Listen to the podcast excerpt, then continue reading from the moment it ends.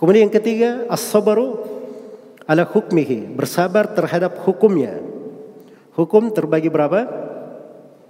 Terbagi dua. Ada hukum kauni, qadari, dan ada hukum dini, syar'i.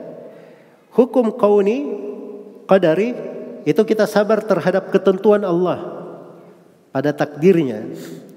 Ini kena musibah. Ini keluarganya meninggal. Ini ditakdirkan dia bangkrut. Ini ditakdirkan dia sukses.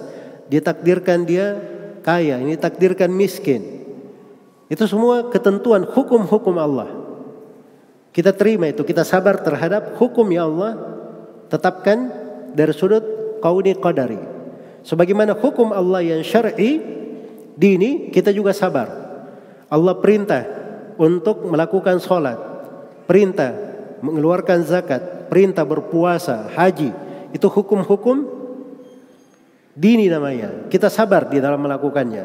Sebagaimana Allah larang dari perbuatan zina, perbuatan minum khamar, perbuatan judi dan hal-hal yang diharamkan, kita bersabar di dalam meninggalkan hal-hal yang diharamkan tersebut.